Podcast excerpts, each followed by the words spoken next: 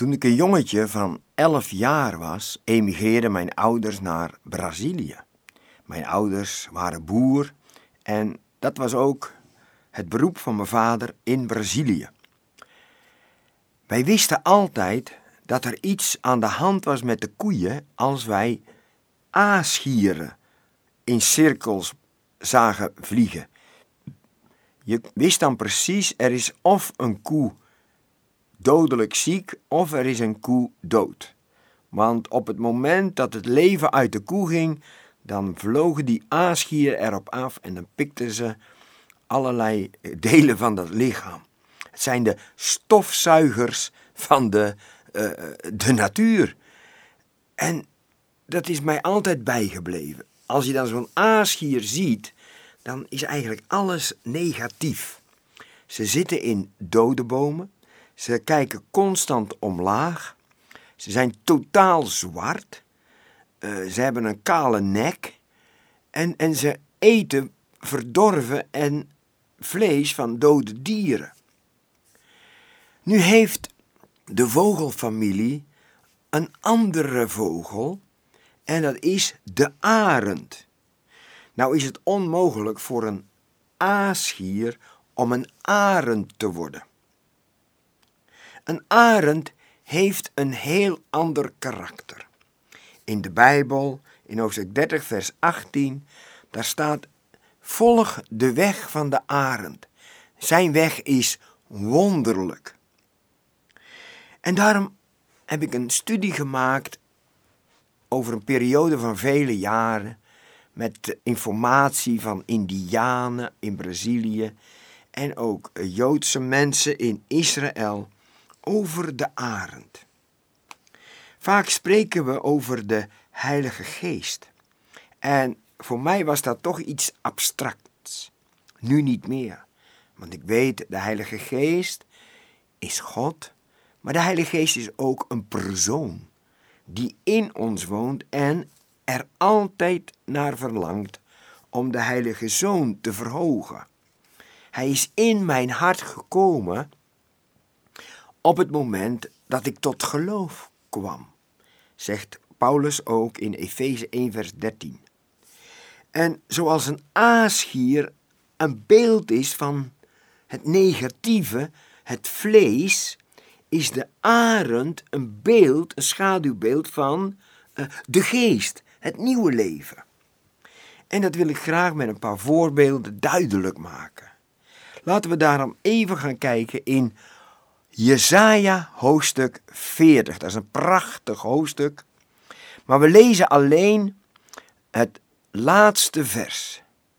Wie de Heere verwachten, zullen hun kracht vernieuwen.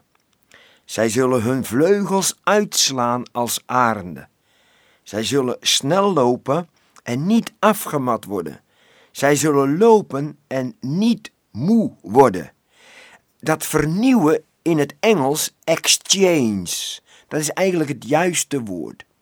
Niet hun kracht, maar een kracht buiten hun die hen zo laat uh, vliegen, nee, zweven. Het is wel eenvoudig wat ik nu vertel, maar het is natuurlijk belangrijk. Hoe kan zo'n zware vogel zo rustig zweven door de lucht? U weet het wel, dat komt vanwege de thermiek, de warme lucht die opstijgt. En de arend weet daar gebruik van te maken. Dat is ook het leven van ons. Kijk, een aasgier kan geen arend worden. Maar een zondaar kan een heilige worden. Een mens kan opnieuw geboren worden door het geloof in de Heer Jezus. Dat is met mij gebeurd toen ik 21 jaar was in de woestijn van Israël. Ik ben toen een nieuwe schepping geworden. Ik heb toen dat arendleven, het leven door de geest, in mij ontvangen. Het is natuurlijk dan ook het wonderlijke dat Christus, die voor mij gestorven is, in mij is komen wonen om door mij heen te gaan leven. Het leven wat ik nu leef is niet in eigen kracht, maar dat is doordat ik de Heilige Geest ontvangen hebt. Het woord geest en het woord wind en adem is in het Hebreeuws hetzelfde woord. En je hoort het al, ruach. Je hoort als het ware de wind al in dat woord ruach. Dus het eerste wat we mogen leren van de arend is, hij zweeft als gevolg van de opgaande hete ruach. En zo mogen wij ook zweven en vrij zijn in de lucht, omdat we geleid worden en gesteund worden en geholpen worden door het werk van de inwonende Heilige Geest. En Paulus roept ons toe en gebiedt ons om daarmee gevuld te zijn. De arend leert mij ook dat de arend is niet bang. Weet je dat de arend houdt van de storm? In Jacobus 1 vers 2 daar staat verheug je als allerlei problemen op je afkomt. Ik zal het even lezen zoals er staat. Acht het enkel vreugde, mijn broeders, wanneer u in allerlei verzoekingen of stormen terechtkomt. Want u weet dat de stormen van uw geloof volharding teweeg brengt. En uiteindelijk brengt dat Gods vrucht voort. Wel, als het regent en het water valt op een kip, wat een miserabel beestje. De, hij is helemaal in elkaar en het water is helemaal op zijn veren en het is een miserabel gezichtje. Bij een eend, het water valt erop en het valt er weer af. Maar bij de arend, als de storm loeit, dan, dan gaat hij in de juiste richting. Hij gebruikt de sterke wind en hij zweeft. Hij houdt van de storm. Want daardoor gaat hij hoger zweven. En dat vind ik ook wel mooi, dat we mogen weten dat, ja, dat er ons niets kan overkomen, dat de stormen in ons leven, ons, als we het er goed mee omgaan, ons niet bitter maken, maar beter. Toen de Heer Jezus met de discipelen door de storm waren gegaan, leerden ze iets nieuws over de Heer Jezus. En daarom zeg ik ook, het is beter met Jezus in de storm dan alleen op het strand. De stormen, daar houdt de arend van. Het volgende wat we kunnen leren van de arend, dat heeft David aan ons geopenbaard. Hij zegt, de Heere vernieuwt ons zoals een arend. Psalm 103, vers 5. Er komt een moment dat die vleugels en die veren van de arend geluid gaan maken. Er komt een tijd dat het calcium zit op zijn snavel. En dan is er twee mogelijkheden. Of doodgaan of time-out nemen. Hij neemt time-out, trekt al zijn vleugels uit zijn lichaampje, slaat zijn bek tegen de rots en hij wacht en hij wacht en hij wacht tot alles weer aangegroeid is. Op een gegeven moment wordt hij depressief en dan komt er een andere arend die legt een dood beestje voor hem neer. En dan gaat hij herinneren hoe hij eens vrij was. Dit heb ik geleerd van de Indianen. En dan gaat hij in de juiste richting, wacht op de wind en hij zweeft vernieuwd verder. O wat heerlijk dat God ons constant vernieuwt. Want de ouder de arend, te beter hij zweeft. Voorheen heb ik gesproken over de arend. De arend is een schaduwbeeld van het leven door de geest. En de principes die ik daarvan geleerd heb, die heb ik opgeborgen diep in mijn hart. Weet je wat ik zo mooi vind? De arend is geboren om vrij te zijn. Ik ben tot geloof gekomen door gelaten 5 vers 1. En daar staat, opdat gij waarlijk vrij zoudt zijn, heeft Christus ons vrijgemaakt. Houd dus stand en laat u niet opnieuw een slavenjuk opleggen. Waarvan zijn wij bevrijd? Wij zijn bevrijd van de zonde. Wij zijn bevrijd van het oordeel. Wij zijn bevrijd van uh, de eenzaamheid. Wij zijn bevrijd van de gevangenis waarin wij zaten voordat wij tot geloof kwamen. Er is geen reden om angst te hebben in dit leven, want Hij zorgt voor ons. Er is ook geen reden om angst te hebben voor het sterven, want hij heeft die vijand overwonnen op het kruis. Waarlijk vrij is de arend. En laten wij daar ook toepassen in ons leven. Ik ben waarlijk vrij. De arend heeft nog iets moois.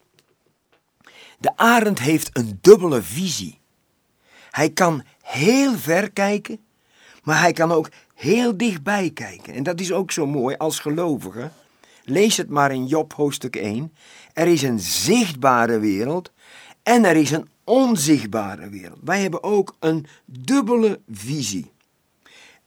En dat is zo belangrijk. En daarom zeg ik altijd: als gelovige zie je meer op je knieën dan wereldregeerders zonder God op hun tenen. Want wij weten dat wij hebben niet alleen de zichtbare wereld, maar er is ook een onzichtbare wereld. En dat is natuurlijk heel belangrijk. De arend heeft een tekortkoming. Ik heb dat eens gezien met een YouTube-filmpje. Toen had hij een vis gevangen en die was groter dan die dacht. En wat gebeurde er? Die arend die, die zwaait zijn vleugels, maar die vis is te zwaar en uiteindelijk verdween die arend in de zee en verdronk hij. Er is iets heel moois in Lucas 6, vers 37. Daar staat dat de Heere Jezus tegen ons zegt: Laat los, zodat u losgelaten wordt. Wat de arend niet kan vanwege de spieren, die, die, die klauwen die gaan pas weer los als hij geland wordt. Hij kan niet loslaten. Dat kunnen wij wel. Is er iets wat te zwaar is in je leven? Luister dan alsjeblieft. Laat het los. Let go, let God. Houd het niet vast. Als het je constant in je gedachten is. Laat het los. Kijk, Mozes, hij moest ook zijn staf van zich afgooien. En hij zag dat er een, een slang in zat. Maar hij kreeg die staf weer terug en het werd de staf van God. Gooi het van je af. Laat los en u zult losgelaten worden. Laten we datgene doen wat de arend niet kan doen. De arend heeft ook vijanden. En wat doet de arend dan? Dan gaat hij hoger vliegen.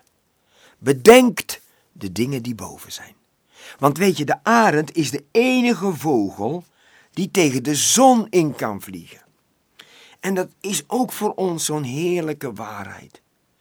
Ik heb eens gehoord van een piloot die vloog een heel klein vliegtuigje. En hij zag een rat in het vliegtuigje. En die zat aan die kabels te knagen. En wat deed die piloot? Hij ging hoger vliegen, totdat die rat bewusteloos was. En zo heeft hij het overleefd.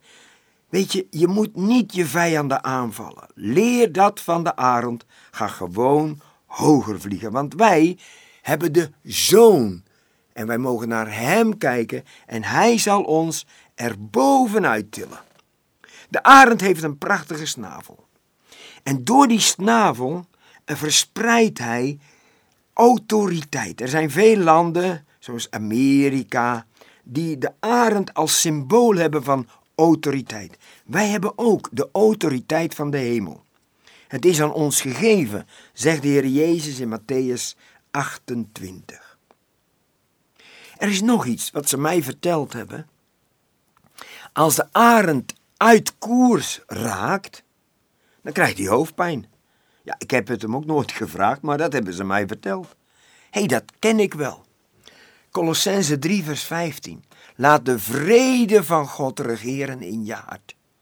Als er iets is wat je doet of waar je in zit, waardoor je geen vrede hebt, dan moet je je koers veranderen. Want Gods volmaakte vrede is onze scheidsrechter. De arend. Er komt een moment dat de arend verlangt naar een maatje. En hebben ze mij verteld, dan is er een spelletje met het stokje. Dan ontmoet hij een meisje arend en ze gaan samen zweven en dan pakt het vrouwtje arend een stokje En dat laat ze vallen. En hij natuurlijk uitsloven, vliegt erachteraan, geeft dat stokje terug. Dat gebeurt wel twee, drie keer en dan uiteindelijk, als hij succes heeft, gaan ze samen een nest bouwen. Uiteindelijk komen dan daar de kleine arendjes. En in Deuteronom 32, vers 11 zien we dat Mozes uh, uh, die moederarend bestudeerd heeft, want hij vergelijkt de moederarend met de zorg van de Heere God voor zijn volk in de woestijn. De moederarend geeft die kleintjes precies wat ze nodig hebben. Uiteindelijk wordt die moederarend een beetje raar. Ze gooit alle veertjes eruit en de kleintjes die gaan op de rand zitten en wat doet ze? Ze katapult die kleintjes uit het nest en die vallen met een rotvaart naar beneden. Maar dan komt de, de arend daarnaast vliegen en uiteindelijk leert dat jonge arendje, voordat ze valt op de rotsen, dat die twee dingen die naast haar hingen een functie hebben. En dat zijn haar vleugels. En soms denk je, ik val te pletter. Maar dan is er iemand die ons wil laten ontwikkelen. Kijk, als die moeder dat niet gedaan had, was dat kleintje altijd in dat nestje gebleven. Maar nu heeft ze zelf geleerd om te zweven. Nu is ze vrij van het nest. En dat is de reden waarom dat wij wel eens uit onze veiligheidszone gegooid worden.